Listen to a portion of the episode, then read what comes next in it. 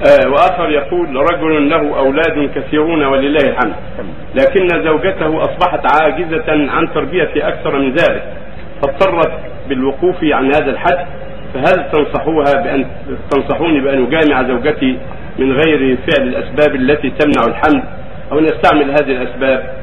مثل ما تقدم مثل ما سمعت إذا كان لعلة شرعية وحاجة شرعية وعجزها عن التربيه والقيام بما يلزم لهذه الأولاد لكثرتهم وحملها هذا على هذا فلا بأس بوجود فتره بينهما كسنة مثلا حتى تقوى على التربية.